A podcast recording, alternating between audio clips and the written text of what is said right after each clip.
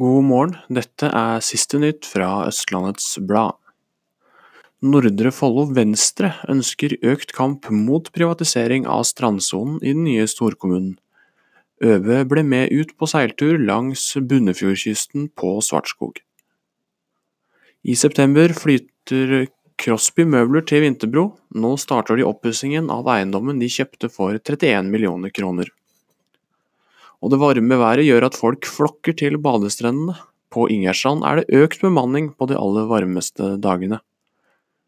Og til slutt en gladnyhet. En mann fra Ski vant over tre millioner kroner i Lotto i helga. Det kommer godt med for småbarnsfamilien, sier han til Norsk Tipping. Siste nytt fra Østlandets Blad fikk du av Eirik Løkkemoen Bjerklund.